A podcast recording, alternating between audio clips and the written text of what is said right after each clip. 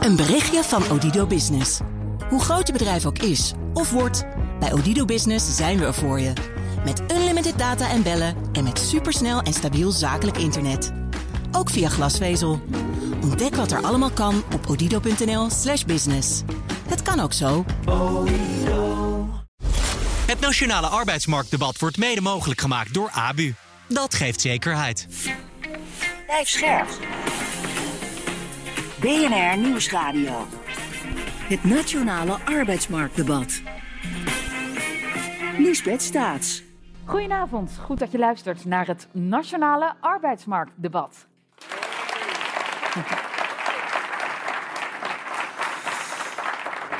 In aanloop naar de Tweede Kamerverkiezingen organiseert BNR acht debatten met acht verschillende thema's die voor iedere Nederlander be- belangrijk zijn.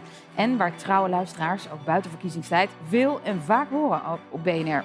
Vandaag richten we al onze pijlen op de arbeidsmarkt. We zijn neergestreken in de Fokker Terminal in Den Haag voor dit nationale arbeidsmarktdebat, dat mede mogelijk wordt gemaakt door ABU, de Algemene Bond Uitzendondernemingen. In de zaal dus ook veel mensen die heel betrokken zijn met de uitzendbranche. Heel fijn dat u er allemaal bent. We gaan het debat voeren met vijf mensen die hopen op 22 november een zetel in de Tweede Kamer te bemachtigen. Of misschien gaan ze daar al stiekem wel vanuit. Ik ga ze snel eh, naar hun plek dirigeren, zodat we van start kunnen. Voor twee van hen geldt dat ze daarmee voor het eerst in de Kamer zouden komen. Voor nieuw sociaal contract is hier Tjebbe van Oostenbrugge en namens GroenLinks Partij van de Arbeid Mariette Patijn.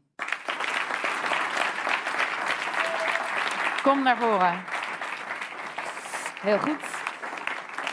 En de volgende drie kandidaten zijn al Kamerlid en die hopen dat dus te blijven. Ik heb het over Don Seder van de ChristenUnie, Daan de Kort namens de VVD en namens D66 Annemarie Kapot.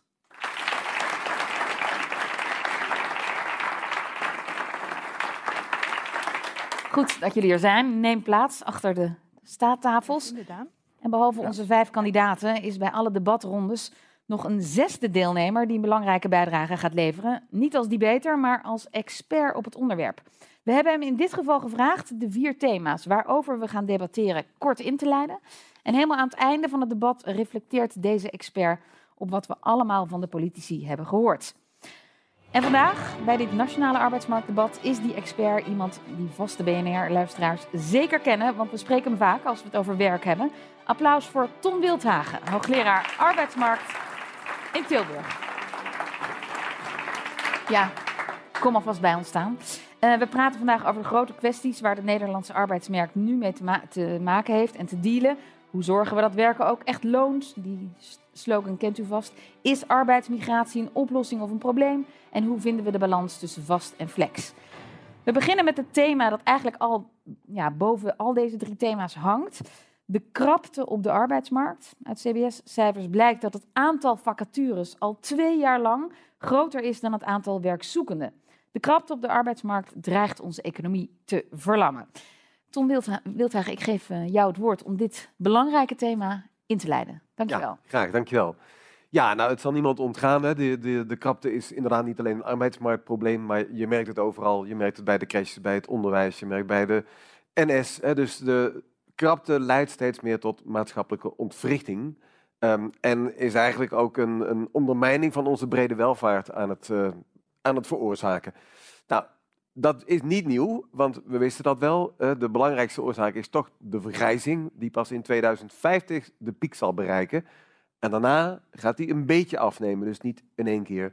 Die vergrijzing gaat ook gepaard met ontgroening. Dus de cohorten, de groepen jongeren, zullen de komende tijd ook kleiner worden. Nou, en als je dan nog een goede economie hebt, zoals Nederland, en je werkt in een land waar een hele sterke voorkeur is voor andere dingen buiten werk, die we ook allemaal graag willen doen, ja, dan weet je zeg maar, dat de komende tijd die druk op de arbeidsmarkt, maar daarmee ook de druk op eh, alle maatschappelijke domeinen zal vergroten. En ja, ik denk dat echt dat dit het grote thema is. We hebben meer mensen nodig op de arbeidsmarkt. Eh, we moeten inderdaad kijken of we onze arbeidstijd kunnen uitbreiden. We hebben mensen nodig, ook van elders. En we willen dat ook allemaal op een goede manier doen. En ik denk dat dat de grote uitdaging is waar we met z'n allen voor staan nu. Dankjewel. Dankjewel. Eh, we vragen je zo terug om het volgende onderwerp eh, in te leiden. En tot slot horen we ook jouw reflectie. Wij gaan nu debatteren. Best. Dank voor deze aftrap. Ehm, ja, ik hoor in het verhaal van Ton Wildhagen ook wel doorschemeren dat we dus keuzes moeten maken om alles te willen en onze levensstandaard te behouden. Daan de Kort namens de VVD. Ja, waar liggen die keuzes voor de VVD? Nou, ik vind dat we veel meer moeten en ook kunnen doen om juist dat onbenutte arbeidspotentieel naar werk te begeleiden. Ehm, mensen die aan de zeilen staan, ondanks die krappe arbeidsmarkt zitten er nog meer dan 400.000 mensen in de bijstand. Gemeenten doen nog veel te weinig om in kaart te brengen wat de competenties zijn van deze mensen, waar de talenten liggen. Ja, ik geloof dat daar kansen liggen, maar ook mensen met een beperking door ze met de juiste voorzieningen naar werk te begeleiden. Dat we iedereen aan het werk krijgen en daarnaast ook gewoon meer werk gaan stimuleren. Ik hoor al best lang praten over mensen met een beperking begeleiden naar werk en dat werkgevers daar ook een rol in hebben. Gebeurt dat nu dan niet? Ja, onvoldoende. Ik vind dat we in Nederland veel te veel kijken naar de arbeidsongeschiktheid van mensen, ook bij het UWV.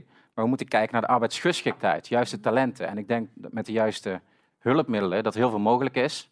Eh, ook in het belang van de mensen zelf, want een baan is veel meer dan een baan. Het leidt tot persoonlijke ontwikkeling, sociale contacten eh, en meer levensgeluk. Maar en, en dat moet natuurlijk allemaal betaald worden. Waar worden dan die keuzes gemaakt? Nou, ik weet niet of dat meer geld gaat kosten, want eh, nu krijgt die groep een uitkering.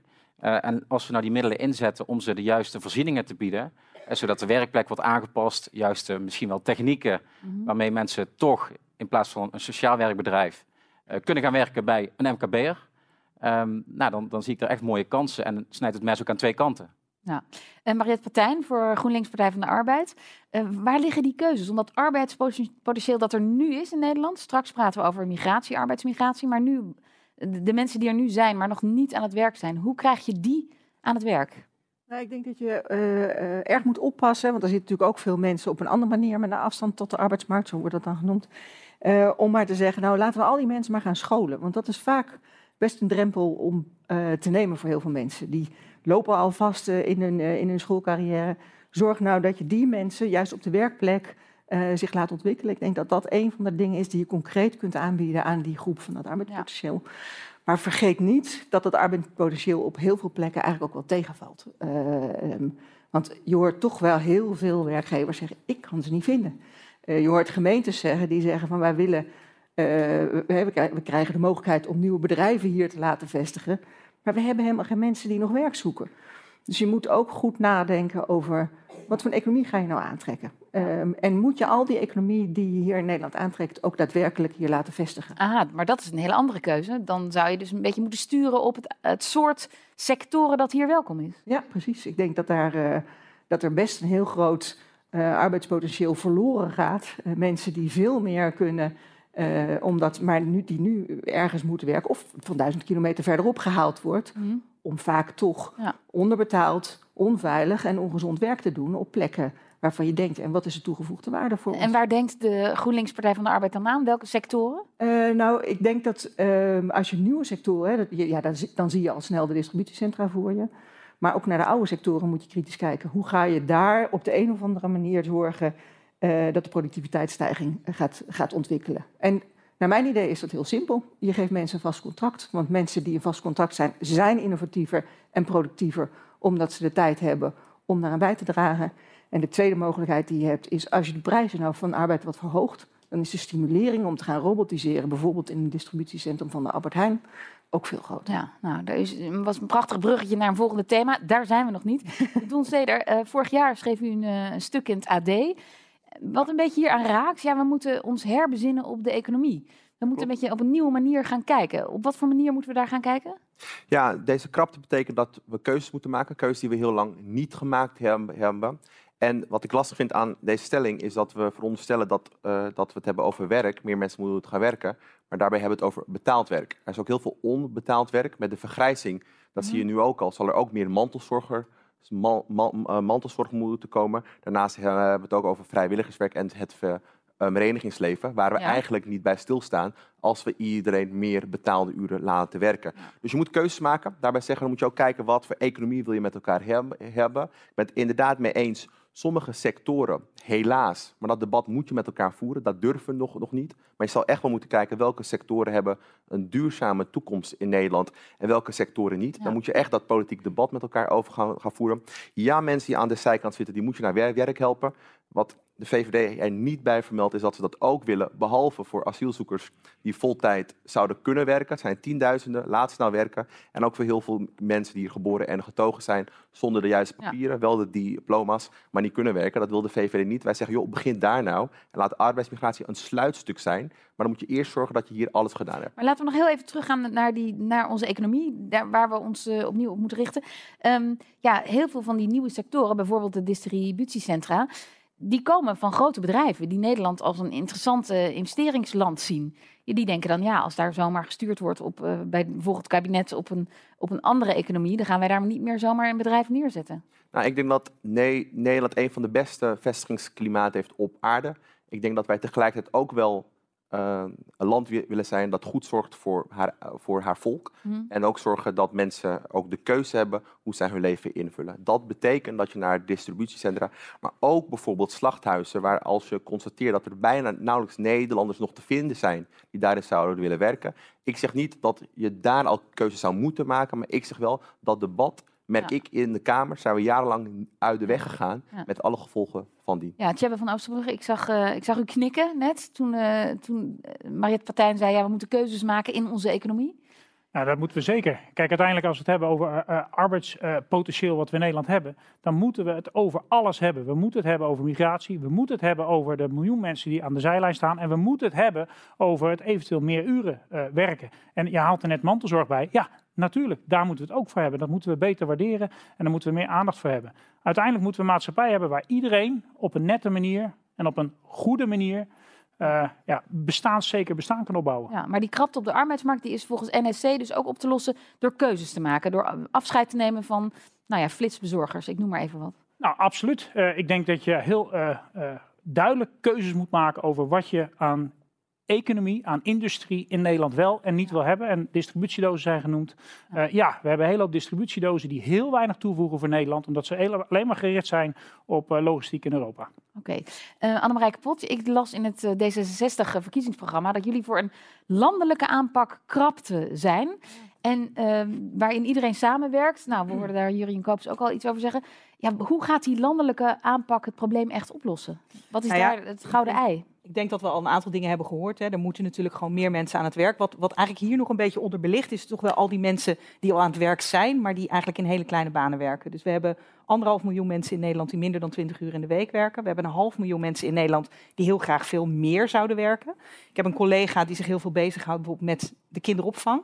En die zegt, nou, ik heb medewerkers gesproken die allemaal heel, heel graag meer willen werken.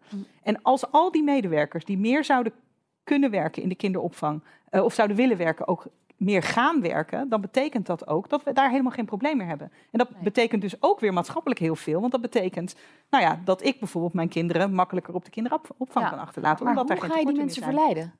Sorry? Hoe ga je die mensen verleiden om meer uren te werken? Eh, nou, dat, dat zit hem natuurlijk in een hoger minimumloon. Dat werd volgens mij net ook al genoemd. Maar dat gaat ook over eh, het verlagen van belastingen op, op arbeid. Het gaat ook over eh, het zorgen. Nou, wij zouden heel graag een nieuw instrument zien. waarbij ook mensen die bijvoorbeeld meer dan drie dagen in de week gaan werken. Ook minder belasting betalen. Dus het, het zit hem voor een heel groot deel natuurlijk al in het lonender maken van werk. Maar het zit hem ook natuurlijk in gesprekken met die werkgevers over hoe zorgen we nou dat die medewerkers bij jou in de kinderopvang Mm. ook die uren kunnen draaien die ze graag zouden willen draaien. Ja. En, en, en er, er wordt al heel veel samengewerkt. Hè? Ik bedoel, de werkgevers, de bonden, eh, opleidingen. Eh, wie kunnen er nog meer aan tafel zitten? Nou, volgens mij gaat het niet zozeer over wie gaan er meer aan tafel zitten, maar het gaat er natuurlijk wel om welke, welke kant ga je op met z'n allen. En ik denk, nou ja, goed, het gaat hier heel erg veel over keuzes. Dus dat betekent ook dat je dat gesprek moet hebben met elkaar. Ja. Wat gaan we nou doen? En als, als mensen die eh, eh, meer dan drie dagen werken minder belasting betalen, ehm, dan komt er minder geld binnen. Waar wordt dat eh, opgelost? Nou, wat wij hebben gezegd is dat je op dit moment heb je natuurlijk de zelfstandige aftrek. Eh, die geldt alleen voor de ZZP'ers. En het zou natuurlijk heel mooi zijn als je dat, natuurlijk dat geld bijvoorbeeld gaat inzetten eh, daarvoor. Oké, Ja. dus dan de, de zelfstandige aftrek, die wordt al afgebouwd, toch? Ehm, ja, nou ja, goed. de- de- ik, ik denk dat, dit, dat we dit op een go- goede manier zouden kunnen inzetten om eh, dat ook te doen. Oké, maar je Partijn, ik zie je knikken. Dat de zelfstandige aftrek al afgebouwd Ja, ja, ja. Nee, dat, er, dat, dat dacht ik ook van, hoe zit dat?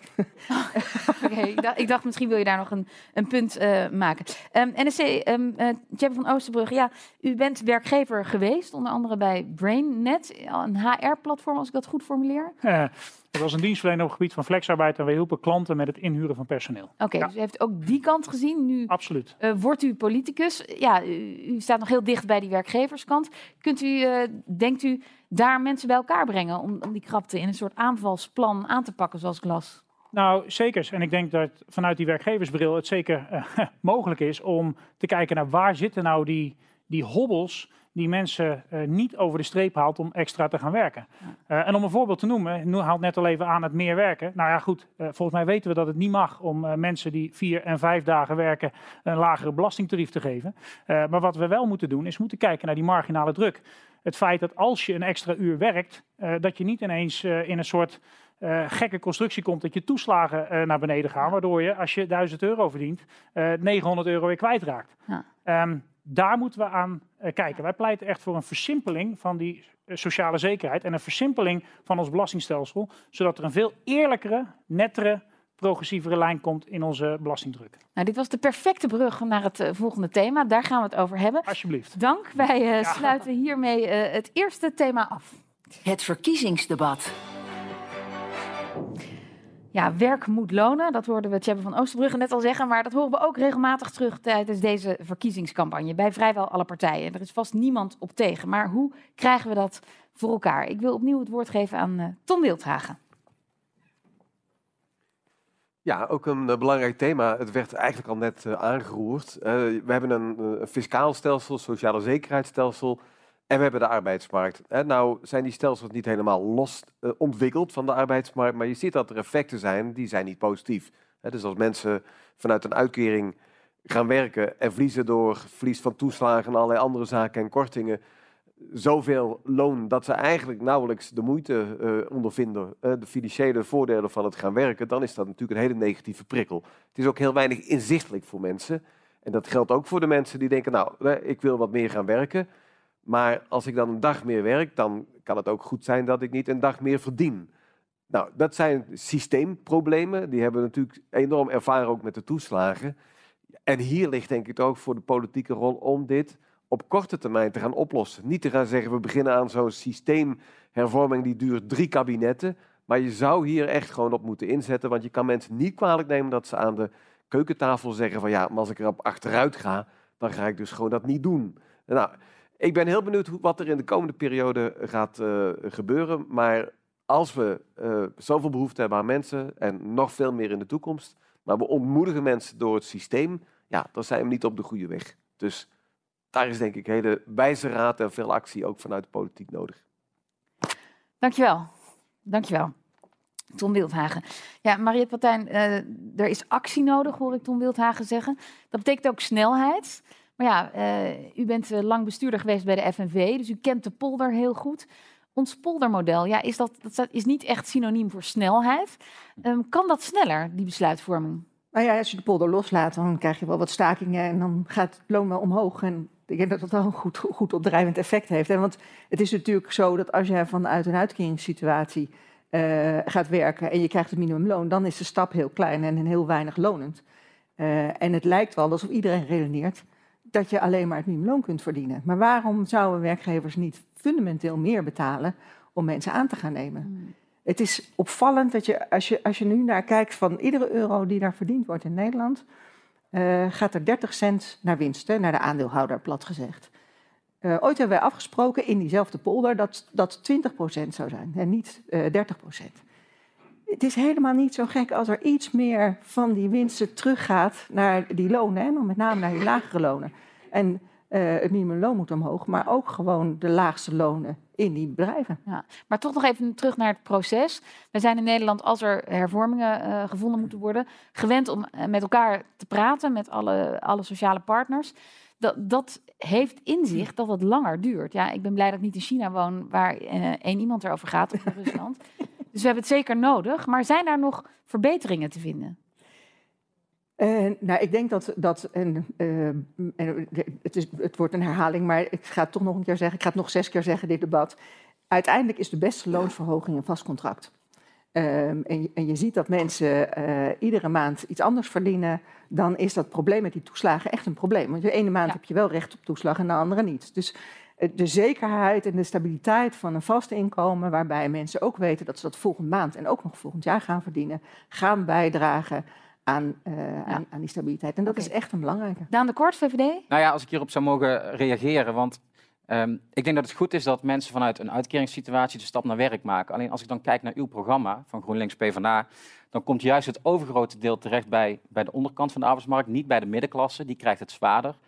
U vergroot de armoedeval. Ik zie in uw programma niet terug dat de stap naar werk vanuit die uitkeringssituatie lonend wordt. Dus dat, dat strookt ook niet met, met het verhaal wat u hier houdt. Nou, ik denk dat zeg maar, het, het lonend maken begint natuurlijk met de hoge minimumloon, omdat het vooralsnog niet anders is dan dat, het, eh, dat heel veel mensen eerst uitstromen naar een baan met, eh, met minimumloon.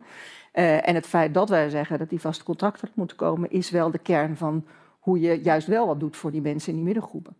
Ehm, en dat niet mensen blijven hangen op ja, toch een beetje pulpbanen, waarbij ze elke, elke maand moeten kijken wat ze, hoe ze weer rond gaan komen. Wat zijn pulpbanen? Ja, dat zijn banen waarvan je eh, misschien wel mag komen werken, waar je 's ochtends te horen krijgt of je de, of je, of je de post mag gaan sorteren. eh, en smiddags misschien ook nog ergens een klein klusje kunt verdienen. Eh, en, en waarvan je niet weet of je rond kan komen. En dat, dat zijn echt veel mensen. Hè. Vergeet niet dat nog maar 55% van de mensen vast contract heeft in Nederland. Uh, Daan de Kort toch nog even. Kan dat, ik heb, we hebben Tom Wildhagen net gehoord. En nou, iedereen in deze zaal en die luistert kent het probleem van de krapte. Dat moet snel opgelost worden. En dan met nadruk op snel. Kan dat ook sneller dan we nu gewend zijn? Nou ja, dat is wel onze inzet. En het probleem, ik, ik ben het met de heer Wildhagen eens dat het probleem wel is dat het te weinig loont om meer te gaan werken. Wij willen de lasten op arbeid verlagen en denken ook aan een hogere reiskostenvergoeding. Uh, ook belastingverlaging op, uh, op energie en gas. Hè, dat je gewoon aan het einde van de maand ook gewoon meer in je portemonnee overhoudt. Ja, en de armoedeval, en dat, dat is wel een punt waar, waar, ik op blijf hameren, die is gewoon te groot. De stap naar werk moet meer lonend worden. De afgelopen jaren hebben we heel veel gecompenseerd, ook met steun van de VVD, want we wilden niet dat minima door het ijs zouden zakken. Ja. Maar de volgende stap moet echt zijn dat het, dat het loont om te werken. Uh, en, en, dat is nu onvoldoende. Ja, Annemarie Pot in het D66-programma staat uh, de term urenvoordeel. Mm -hmm. uh, meer werken moet inderdaad lonen. Ja. En dat moet dan fiscaal aantrekkelijker worden.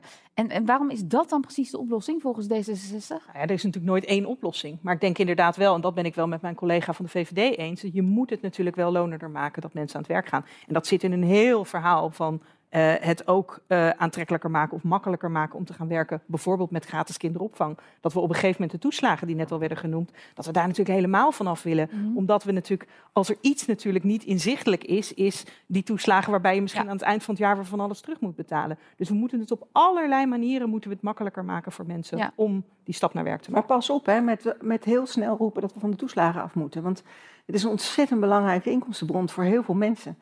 En uh, natuurlijk heb je die armoedeval en natuurlijk ja. is dat een probleem. Maar als je zomaar zegt, zonder dat de huren omlaag zijn, zonder dat de nee. kinderopvang goedkoper geworden is, nee, maar dat en zonder dat de zorg gratis nee. is, want dat is geld, dat is de kern van wat je doet. Ja, maar ik, ik maar vind dat het echt een ook risico. Niet wat, nee, ja. maar goed, maar dat is natuurlijk ik wil ook niet geen, wat wij geen zeggen. We hebben echt maken, een heel, nee, want dat is inderdaad een beetje een karikatuur. Ja. Waar je natuurlijk naartoe wil, is uiteindelijk natuurlijk gewoon een basisbedrag, ja. waarvan iedereen natuurlijk dat ook kan betalen. En wij zeggen natuurlijk ook, die kinderopvang bijvoorbeeld, die moet gewoon gratis worden. Uh, dat maakt het natuurlijk ook voor iedereen ja, de, de, de meest makkelijke opties. De, de vraag was, hoe doe je dat snel?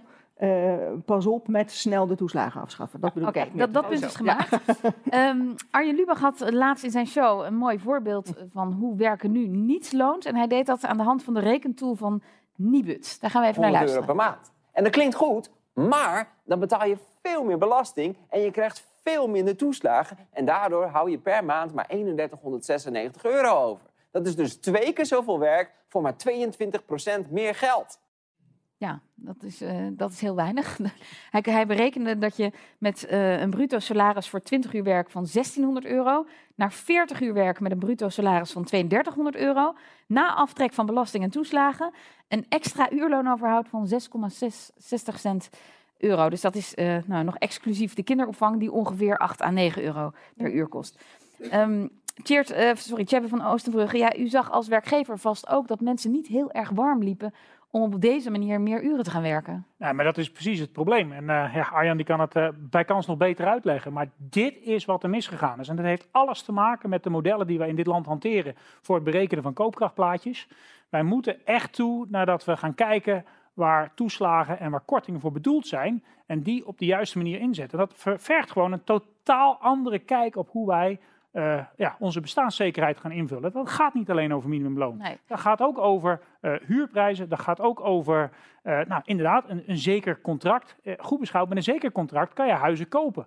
En dat hele speelveld, daar moeten we heel Ja. goed naar kijken. Daar is de afgelopen twaalf jaar veel te weinig aandacht voor Maar Tom. Wildhagen noemde net actie en snelheid.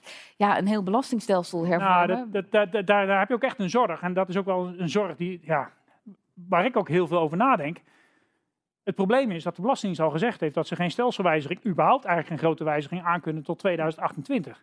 Ehm, en toch moeten we iets gaan doen. En dat zal dus inderdaad zijn met een beetje hier eraf en een beetje daar erbij. Om te zorgen dat die extremen wat dichter bij elkaar Ja, komen. dus maar we moeten ook, nee zeker niet de kaasgaaf, we moeten ook in de komende eh, nou ja, eh, eh, jaren, twee jaar, drie jaar, echt heel goed gaan kijken naar wat we kunnen doen binnen de mogelijkheden die de Belastingdienst heeft. Maar dat is dus een beetje hier en een beetje daar. Dat is inderdaad een beetje hier en een beetje daar. Want je kan niet de toeslagen afschaffen en dan het loon verschrikkelijk omhoog. Dan leg je het allemaal bij werkgevers neer. Dat moeten we niet doen. Je kan het ook niet andersom doen. Eh, zeg maar eh, de toeslagen of de arbeidskorting enorm oplussen en tegelijkertijd. eh, het zijn allemaal dingen die onbetaalbaar zijn. Ja. Dat moet met echt hele slimme mensen op de juiste manier worden uitgedacht. En daar is echt te weinig aandacht voor geweest de afgelopen twaalf jaar. Tot slot nog een punt, Don Ceder, bij de ChristenUnie wat ons opviel. Ja, wij zagen het minimumloon daar eh, oplopen tot 18 euro per uur. En dat, dat is zelfs bij de Partij van de Arbeid GroenLinks eh, en minder, 16 euro. Klopt, we halen ze links in. Maar hoe kan dat? Dat gaat wel ge- gekoppeld met een heel nieuw belastingstelsel. Tjebbe die gaf het net aan, je hebt hele slimme, slimme mensen nodig. Nou, die hebben wij toevallig, onze nummer twee in de- binnen de partij, Pieter Grimwis. Die heeft al een aantal jaar het raamwerk voor een heel nieuw belastingstelsel. is ook doorgerekend, Ja. kunt u lezen in ons verkiezingsprogramma. Wij schrappen alle toeslagen, IACK, alle regelingen en zorgen dat wij een, een veel eenvoudiger, simpel belastingstelsel hebben. Wat rechtvaardiger is, zorgt dat je de, ar- de, ar- de armoedeval voor, voor, voorkomt. En zorgt dat als je meer werkt, dat ook meer loont. Dat gaat niet in één keer, maar het raamwerk moet je wel alvast Ja. in gang zetten. Daarom ook, hoop ik ook op steun van deze partijen. En wat niet genoemd wordt, is waarom is het zo'n puinzooi geworden? Het rapport Sociaal Mi- Mi- Mi- Minimum zei een paar weken geleden. De afgelopen jaren hebben politieke partijen hun ideologische dwangmaatregelen en prikkels allemaal gepropt in de belastingprikkel. Vrouwen moeten meer werken, die moet meer werken, die moet wat minder werken, die moet zussen, die moeten stut, ehm, ehm, stutten. Dat is allemaal politiek ideologisch wensdenken geweest. Het is allemaal gepropt in een belastingstelsel, die moest het maar uitvoeren.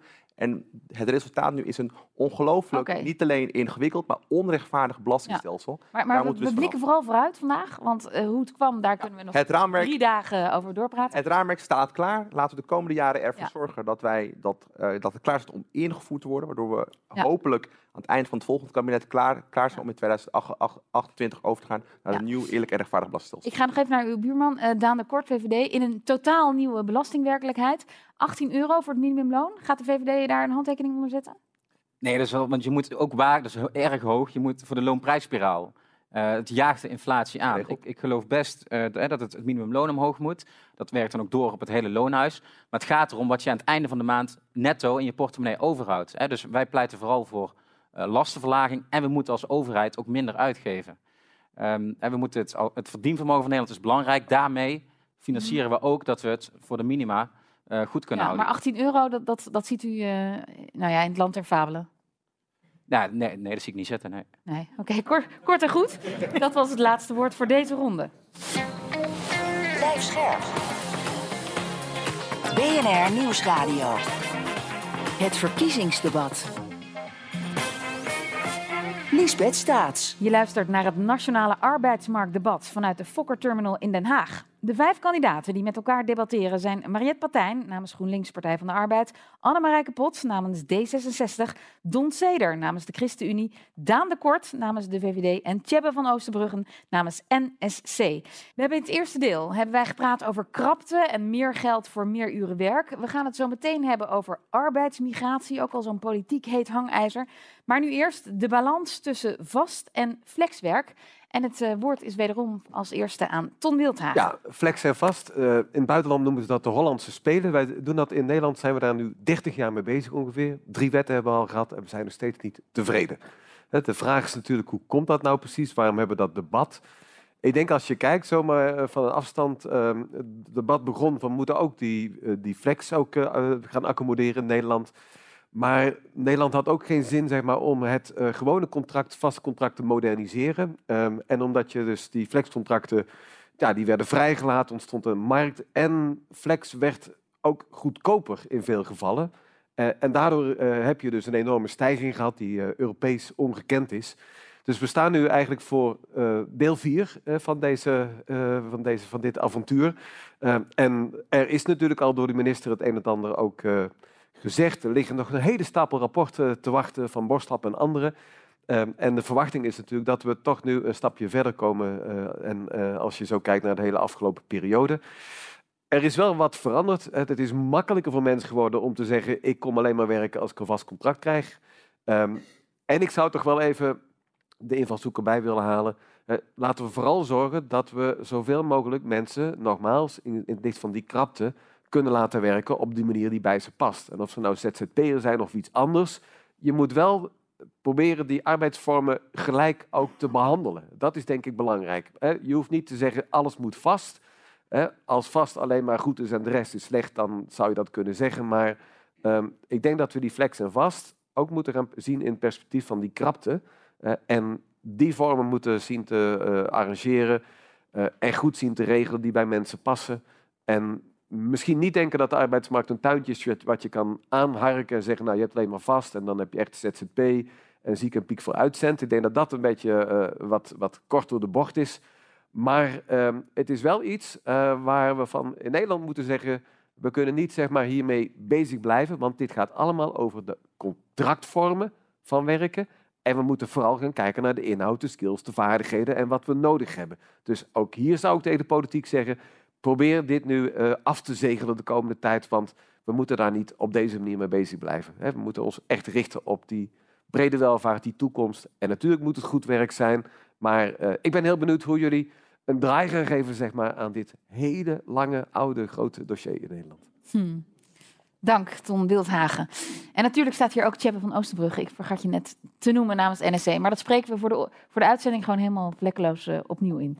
Komt helemaal goed. Eh, Daan de Kort, we hebben heel veel gehoord van Ton Wildhagen. Het doel van het kabinet is nu dat vast minder vast wordt, flex minder flex. Dit voorjaar heeft minister Van Gennep daar werk van gemaakt. met een aantal aanbevelingen van de commissie Borstlab. Een verbod op het nul-urencontract, minder tijdelijke contracten, meer bescherming van ZZP'ers. Is dat nog steeds de goede richting voor de VVD? Ja, delen daarvan wel. Ik vind dat we eh, best veel hebben gedaan om flex minder flex te maken, maar nog veel te weinig om vast minder vast te maken. En juist dat is belangrijk voor werkgevers om mensen een baan aan te bieden. Ehm, als je loondoorbetaling bij ziekte, eh, twee jaar lang, ja, dat, dat, is, echt heel lang. Hè. Je zou maar een kleine MKB'er zijn, team van vijf man en er valt iemand uit. Ja, bij onze zuiderburen is dat slechts 30 dagen. Nou, ik zeg niet dat we meteen die kant op moeten, maar daar moeten we echt kritisch naar kijken. Een transitievergoeding is ook zo'n punt. Eh, wanneer jij als werkgever iemand helaas moet ontslaan, maar die wel op een goede manier naar een alternatief begeleidt, ja, waarom zou je dan nog een transitievergoeding moeten betalen? Dus we moeten het wel aantrekkelijk maken voor werkgevers om mensen in dienst te Ja. nemen. En daar kan nog veel meer aan gebeuren. Maar die twee jaar loondoorbetaling, dat was meer, hè? Dat is minder geworden. Nee, dat is, dat, eh, waar we naar kijken is na een jaar ehm, hoe we daarmee omgaan. Eh, als het dan gaat om bijvoorbeeld die transitievergoeding. Maar het is nog steeds eh, eh, ja, die twee jaar. En dat is gewoon behoorlijk lang. Hè. Ik geef al aan de zuiderburen is het eh 30 dagen. Ja, en dat is wel een grote kostenpost eh, voor mensen. Ja. Um, Mariette Partijn, hoe, hoe kijkt u daarnaar? Die... Loondoorbetaling bij ziekte? Ja. Eh, nou kijk, ik, we hebben, in die polder hebben we veel gesproken over loondoorbetaling bij ziekte. En een van de dingen die we daar hebben besproken is... waarom zou je dan, als dat zo'n probleem is, hè, eh, met name voor de MKB... niet eens een keer een solidaire regeling regelen?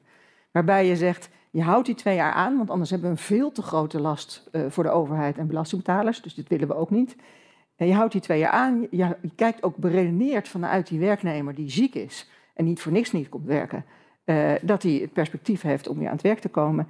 En je zorgt dat je in dat tweede jaar door werkgevers samen opgebracht, grote en kleine werkgevers, in solidariteit, het tweede jaar ziekte eh, eh, vanuit een soort vangnetziektewet, zoals je dat bij zwangerschap kunt doen, eh, regelt. En hoe ziet dat er dan uit? Een soort fonds?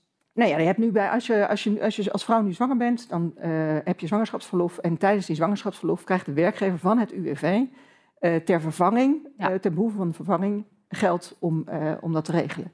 Dat zou je met die ziektewet ook kunnen. Ja. Mits je samen in solidariteit met de grote werkgevers dat zou willen opbrengen. Dat zijn alternatieven waarbij je vrij concreet een oplossing kunt bieden zonder dat je nou zegt, overheid, hier heb je de zieke werknemer, zieke werknemer, pech, wij gaan niet verder met jou. En ik denk dat dat ontzettend belangrijk is. Maar van de zwangerschap weten we bijna zeker dat dat negen maanden is.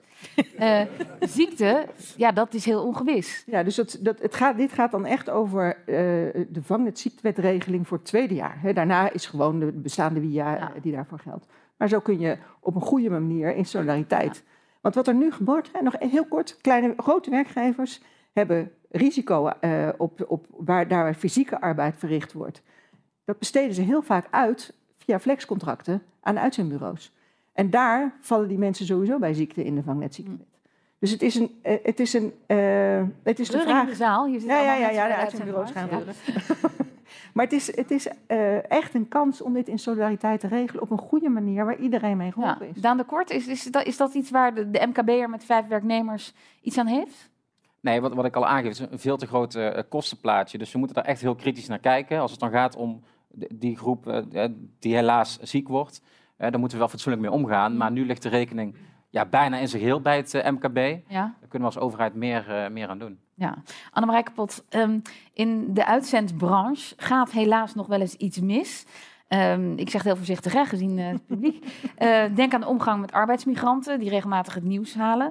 Eh, er ligt nu een voorstel om te komen tot een soort uitzendvergunning, een soort toelatingsstelsel voor uitzendbureaus. Hoe ziet D66 dat voor zich? Want het staat ook in jullie programma. Ja, zeker. Nou, daar zijn we ook een uitgesproken voorstander van.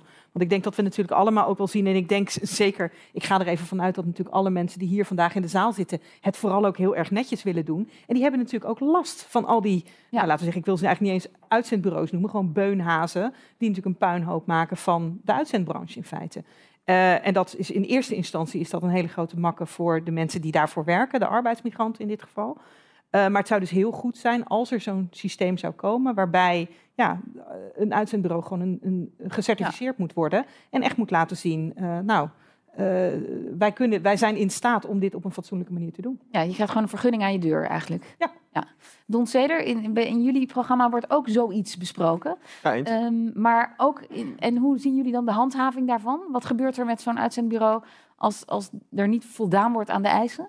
Nou, we hebben eerder geroepen, je kan bijvoorbeeld een bestuursverbod gaan opleggen aan degene die eigenaar is van zo'n uitzendbureau, maar misschien een ander bedrijf probeert te starten. Ja. Dus zou, zo zou je daarop kunnen han- ha- handhaven. En eigenlijk is het, zou iedereen het moeten willen, ook juist die, zij die in de uitzendbranche werken. Want er, zijn, er zitten gewoon rotte appels tussen die het verpesten voor de rest. De afgelopen jaren hebben we het echt gehad over de uitzendbranche als, ja, ik zeg het even gechargeerd, maar als een groot kwaad. Terwijl hier natuurlijk mensen zitten die dat goed, goed, goed, goed, goed, willen doen. Maar eh, er zijn echt uitzendbranches die mensen uit, uitbuiten. Die zorgen dat we in Nederland um, tafereelen hebben met elkaar wat we absoluut niet moeten willen. Dus ik denk dat, mijn, ik dat we het allemaal moeten willen. En ook zo snel mogelijk in gang moeten- zetten. Zodat de uitzendbranche ook, ehm, ook, ook eh, zij met goede wil ook gewoon door kunnen gaan. En als het goed is, ook geen last hebben van deze maatregelen. En Tjebbe van Oosterbrugge, NSC ziet dat, ziet dat ook zitten, die handhaving? Nou, absoluut. En misschien wel goed om daar ook even over te beginnen, over die handhaving. Het grote probleem over de afgelopen jaren is, is dat de boefjes niet gepakt werden. En door het toelatingsstelsel creëer je een systeem dat allereerst er een financiële drempel ligt eh, van 100.000 euro. En ten tweede, je moet je certificeren conform de door iedereen gewaardeerde eh, NEN 4400-norm. Ehm, als je je daaraan houdt, dan is er geen uitbuiting. Ehm, ja, en als elke partij in Nederland dat moet doen, dan is het ook heel makkelijk te handhaven. Handhaaf je dat eh, eh, niet, ja, dan, dan krijg je dezelfde ellende als die we nu hebben. Ja. En, en welke rol zouden uitzendbureaus zelf daarin kunnen spelen? Dus binnen de markt, binnen de branche? Bij Behalve dus gewoon eh, valide zijn en mensen niet uitbuiten, dat spreekt. Maar ja, exact. We staan, hier, we staan hier in het huis van de ABU en ik denk dat dat de juiste manier is om het te doen. Een goede CAO, een heldere, duidelijke normering in een, eh, een NEN 4400-norm. Ehm, en eh, ja, dan ben je volgens mij goed bezig met nette vorm van flexarbeid. Maar er zijn 10.000 plus uitzendbureaus, bedrijven die nou ja, iets van uitzenden of detacheren doen. En het daglicht mag het allemaal niet zien. En dat is nou precies de groep waar we volgens mij achteraan moeten. En, en wat voor voorbeelden heeft u daarvan gezien? Hoe bedoel je? Nou, de, de feiten die het daglicht niet verdragen kunnen? Nou, ik heb daar zelf geen voorbeelden van gezien. Al is het alleen al vanwege het feit dat wij juist controleerden dat elk bedrijf zich netjes aan de wet hield. Maar we weten allemaal de situaties van eh, arbeidsmigranten die bij Boer Jansen in de schuur liggen. Eh, mensen die eh, onder CAO betaald worden omdat de inleningsbeloning niet correct wordt toegepast. Mensen die in detacherings-uitzendsituaties zitten die geen pensioen opbouwen. Ja, dat moeten we gewoon niet doen. Nee. En het laatste woord in deze ronde was voor u, Tjebbe van Oostenbrugge. We gaan door naar het volgende thema. Het verkiezingsdebat. Ja, de krapte op de arbeidsmarkt is dus de rode draad in, de, in dit debat. Kunnen arbeidsmigranten onze redders in nood zijn? Daarover verschillen in Politiek Den Haag de meningen, om het maar zachtjes uit te drukken. Ook bij dit vierde en laatste thema van eh, dit nationale arbeidsdebat is het woord eerst aan Ton Wildhagen. Ja, arbeidsmigratie, zo'n eh, 800.000 mensen, die noemen wij arbeidsmigrant, waarbij we wat onduidelijk doen over of dat nou ook eh, de mensen zijn die bij ASML komen werken, expert arbeidsmigranten. Maar realiteit is, als al die mensen morgen naar huis gaan, stort onze economie grotendeels in. In veel sectoren is dat een probleem. Het, eigenlijk kunnen we ook constateren, wij kunnen niet zonder arbeidsmigratie. En als je kijkt naar de, de laatste berekeningen, ook al zouden we alle deuren zetten voor alle, openzetten voor alle arbeidsmigranten, kunnen we de krapte nog niet oplossen. Dus eh, dan zijn er denk ik drie scenario's. Of je zegt, we gaan, en dat werd net even geopperd, we gaan de sectoren waar veel migranten werken, die gaan we afstoten. Dan eh, hebben we ze ook niet meer nodig. Ik denk dat dat een beetje i- ingewikkelder is dan het klinkt. Hè, want eh, dan moeten we eerst weer definiëren wie nu precies een arbeidsmigrant is. Ze zitten in heel veel belangrijke sectoren voor Nederland ook. Twee zou zijn eh, dat je zegt, ja, eh, we gaan gewoon toch inzetten op ehm, het eh, bieden van een soort volwaardig burgerschap aan arbeidsmigranten in Nederland. Dat betekent dus natuurlijk werken en alles, alles wat daarbij bij komt kijken. Ook het wonen. eh, ehm, en het niet weer blijven koppelen van wonen en werken, wat in het verleden gebeurde. Dat mensen dan, als ze een baan verliezen, ook een woning verliezen. Wat leidt tot mensen op straat komen, letterlijk. En dat zien we in hoge mate in Nederland. Dus je zou dan moeten zeggen, nou, dan gaan we ook voor het, eh, ja, voor het opnemen van arbeidsmigranten als burgers, moeten we ook eh, dus wonen, zorg en werken goed regelen. Ehm, als we niks doen, dan blijven we in de situatie zitten waar we nu zitten. Je ziet dat de burgers en de, en de gemeenten die zijn zeer bezorgd en zijn ongerust. Eh, Je ziet dat er ook heel veel polariseert rond de kwestie. Dus het is of ehm, stoppen met heel veel werk. Ehm, dat zou je ook niet zomaar kunnen. Daar kunnen we misschien straks nog even over door. Of je gaat toch inzetten op het eh, ja, normaliseren qua burgerschap van arbeidsmigranten. Of we blijven een beetje hangen in deze situatie. En we zien natuurlijk ook, hè, de discussie alleen al leidt tot polarisatie. Hè. Dus het is een goede reden om ook te zeggen in de, in de komende eh, regeerperiode zou je hiermee verder moeten komen. Want dit is een, een, een zeer vervelende discussie. Zeker ook voor de mensen die arbeidsmigrant zijn. Ik hoor dat zelf ook terug van mensen die zich in toenemende mate niet welkom voelen, aangekeken voelen. Dus ook hier denk ik voor de politiek een hele schone taak. Eh, Mijn stelling zou zijn, we kunnen niet zonder arbeidsmigranten. Hoe gaan jullie het nou zo regelen dat eh, de mensen zelf eh, kunnen werken op een, normale, goede manier. Maar dat we ook het profijt hebben van de mensen die we gewoon keihard nodig hebben. Dank, Ton Wildhagen. Ja, drie scenario's hoorden we, eh, Don Seder. Eh, krimp, dus kiezen in, de, in onze economie. Welke sectoren hebben we harder nodig dan de andere? En dat ook uitspre- uitspreken. Gelijke behandelingen. Ar- arbeidsmigranten zijn vol- volwaardige Nederlandse staatsburgers. Of we, gaan, we doen niks en we gaan door op dezelfde voet. Ja. Ja, welk scenario heeft de voorkeur van het, de ChristenUnie? Nou, ik heb eer- eerder al ge- aangegeven dat je keuze moet maken over sectoren, waarbij je ook kijkt naar wat de toegevoegde waarde is voor Nederland. Er zijn veel bedrijven die veel winst maken, maar de maatschappelijke kosten niet meegerekend worden, terwijl die wel afgewenteld worden op de maatschappij. Denk Aan aan, welke bedrijven denkt u dan?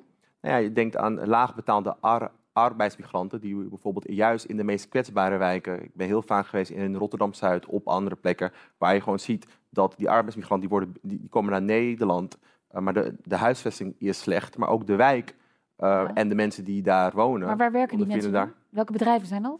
Dat kan in Rotterdam zijn, dat kan bij de... eh, de- Maar wat voor soorten bedrijven? Ehm, dat verschilt. Het kunnen distributiecentra zijn, eh, slachthuizen. Het kan op heel veel verschillende plekken zijn. Maar dat gesprek moet je juist voeren. Ja. Wat zijn sectoren die winsten maken? Prima, Ja. er is niks mis met, met eh, winsten. Maar laten we nu ook de maatschappelijke kosten daarin gaan door, door Maar, maar de consequentie is dan dat we dan minder slachthuizen in Nederland hebben.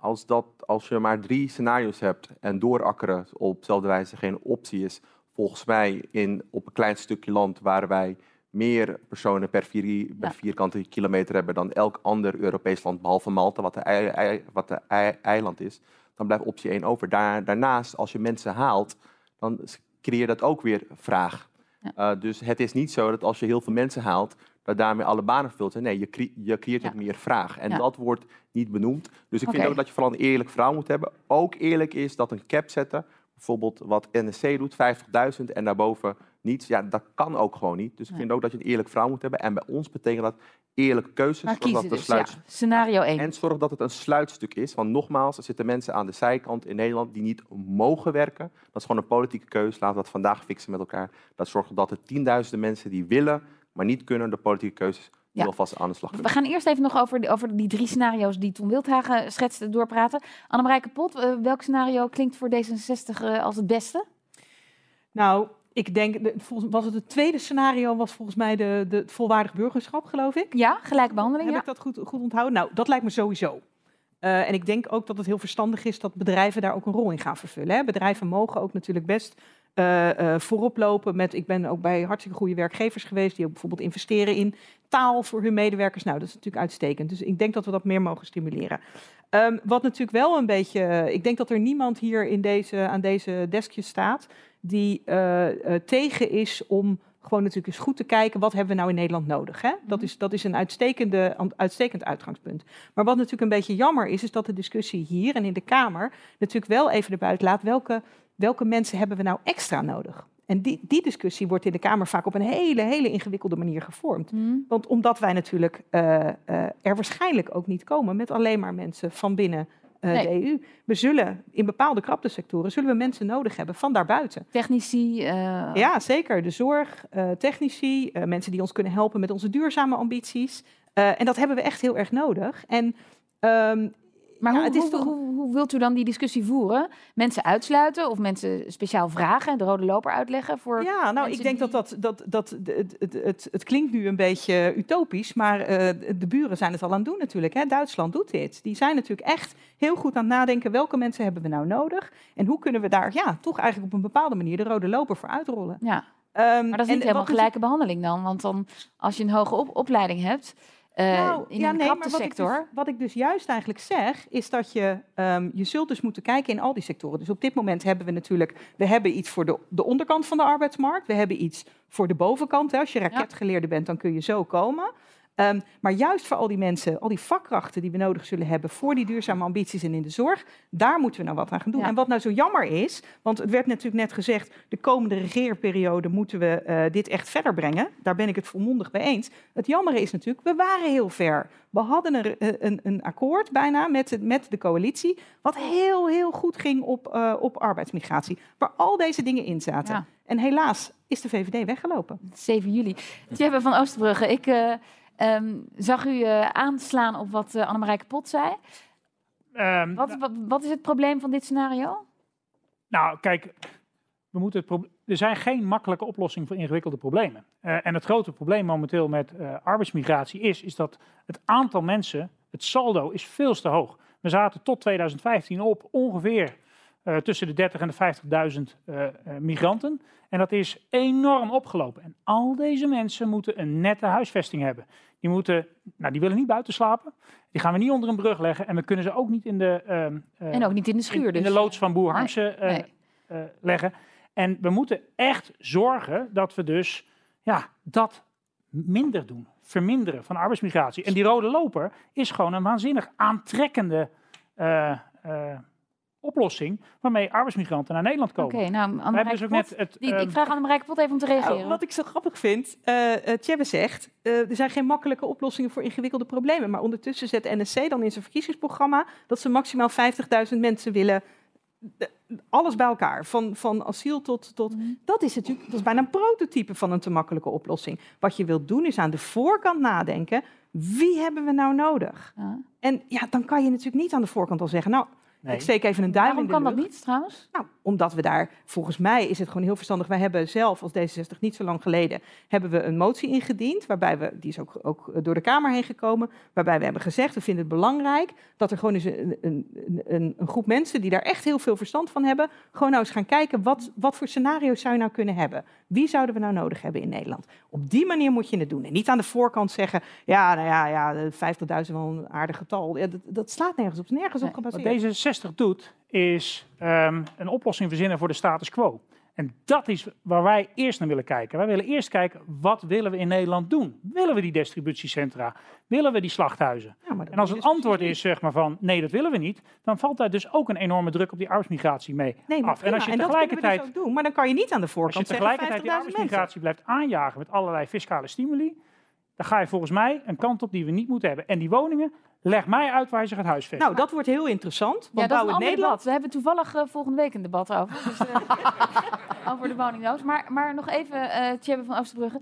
Ja, uh, we hebben wel mensen nodig. Dus dan, als we, als we zo'n harde cap zetten op het aantal migranten, 50.000, dan dat is dus de consequentie dat bepaalde sectoren onderbemand blijven. Nou, volgens mij hebben we eh, in de eerste ronde van dit debat heel erg gesproken over wat we gaan doen om de arbeidskrapte op te lossen. En dat zit hem echt in dat we met elkaar meer gaan werken. Dat zit er echt in dat we die miljoen mensen die aan de kant staan gaan betrekken bij het arbeidsproces. Uh, ja. En dat is volgens mij de route die we moeten lopen.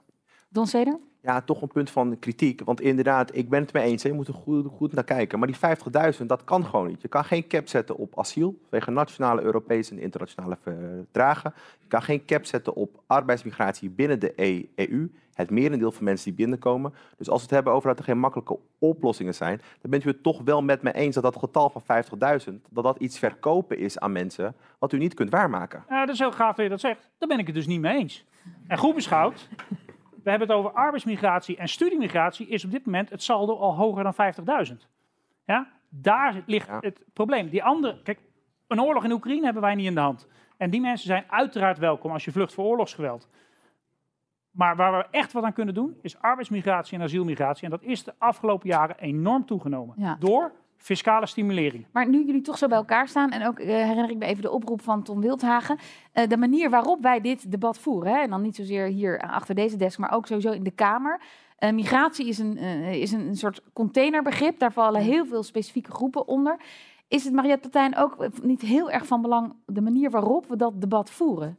De helderheid, maar ook de toon. Ja, ja ook hier hè, zie je de emoties oplopen. dus dat, dat, dat blijft ook. En ik... Ehm, ik denk dat het vooral ook gaat uh, om hoe je zorgt dat je in ieder geval goed zorgt voor mensen die hier werken. En, en uh, dat je niet uh, allemaal mensen krijgt die op straat wonen. Ik denk dat dat echt een probleem is. Of dat nou. Ja, maar we hadden het even over het debat, over hoe we erover praten in de Kamer. dat hij niet gesplitst is in, in groepen van. dat? Ja. ja. En, ja. en hoe, hoe, hou je dat als politicus gescheiden? Nou ja, ik vind dat in, op dit moment in de, in, de, in de debatten die er zijn over de arbeidsmarkt, dat zijn er wel veel te weinig, vind ik.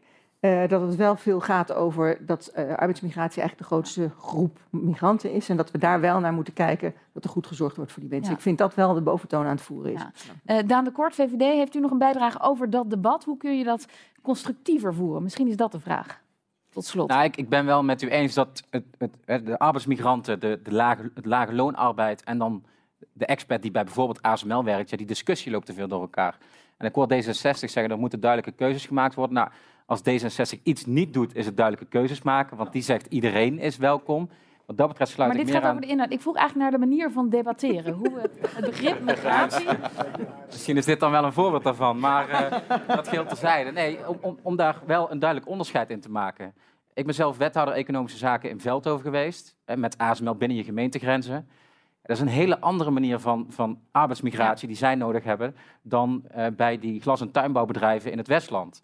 En daar moeten we wel goed op anticiperen welke behoefte er is, uh, nou, welke doelgroep je naar hier moet halen, want die discussie loopt te vaak door elkaar. Dank. Dit was, nee, dit is echt uh, dank, want we staan al in de rode cijfers, qua tijd dan alleen. Um, ik wil jullie heel erg danken voor deze laatste ronde. Jullie bijdragen sowieso aan dit debat. Ik geef het laatste woord graag aan Tom Wildhagen, die voor ons zal reflecteren op wat hier gehoord en gezegd is. Ja, nou, dankjewel. Uh, mijn reflectie, uh, wat ik zie, is dat jullie allemaal vinden dat er iets moet gebeuren. Absoluut. Uh, jullie weten ook wel waarom het moet gebeuren. Dat maak je ook heel duidelijk. Het hoe wordt een beetje het punt de komende tijd. Maar ik ben wel heel blij met de onderkenning van eh, de problematiek en zeker van die krapte. Ik heb wel iets wat ik jullie heel graag wil voorleggen. Als ik zo naar jullie luister en ook, ehm, ja, Lisbeth zei het ook al eh, in het begin. Ehm, ik ben blij dat we niet ergens wonen waar één iemand gaat bepalen hoe het moet. Maar iedereen weet nu, denk ik, intussen dat er keuzes gemaakt moeten worden. Maar wie gaat nou die keuzes maken? Is dat nou het parlement dat gaat zeggen, we gaan stoppen met de logistiek of dit of dat? We hebben geen Chinees Centraal Comité. Maar we hebben ook geen systeem waarin je tot die keuzes kan komen, tenzij jullie denken hè, dat de Tweede Kamer uh, gaat bepalen wat het allemaal gaat worden. Dus denk eens even na vanuit de politiek over hoe we met z'n allen die keuzes gaan maken. We gaan waarschijnlijk terug naar een nieuwe vorm van industriepolitiek. Joop de Nijl, jaren 70. We gaan misschien op een heel andere manier uh, kijken naar die economische activiteiten. Maar we moeten dat organiseren. Kim Putters is de SEG al aan het verbreden. Dus je ziet die beweging. Maar de politiek kan dit niet alleen. Kan ook niet alleen de SER zijn. Ook de regio's moeten meekijken. Dus Nederland gaat keuzes maken. De krapte is niet op te lossen. Krapte is kiezen. Maar denk alsjeblieft na over hoe we gaan kiezen en vervolgens wat we gaan kiezen. En nog een, een ex-premier, Wim Kok zei ooit... Mijn grootste zorg is waar Nederland over 50 jaar zijn brood mee gaat verdienen. Nou, en dat moeten wij nu, denk ik, uh, wij moeten dat brood gaan smeren de komende tijd. Dank jullie wel. Dank, Tom Wildhagen, hoogleraar arbeidsmarkt aan de Tilburg University. En ook heel veel dank aan de vijf deelnemers aan dit Nationale Arbeidsmarktdebat. Tjebbe van Oosterbrugge namens NSC, Mariette Patijn van GroenLinks Partij van de Arbeid, Don Zeder namens de ChristenUnie, Daan de Kort namens de VVD en Annemarie Kapot namens D66. En last but not least bedanken wij natuurlijk ABU voor het faciliteren van deze middag. Hartelijk dank.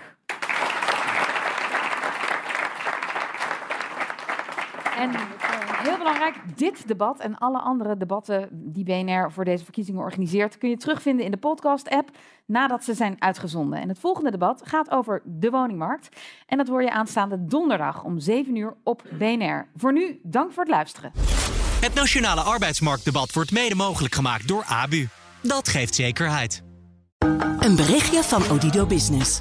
Hoe groot je bedrijf ook is of wordt, bij Odido Business zijn we er voor je.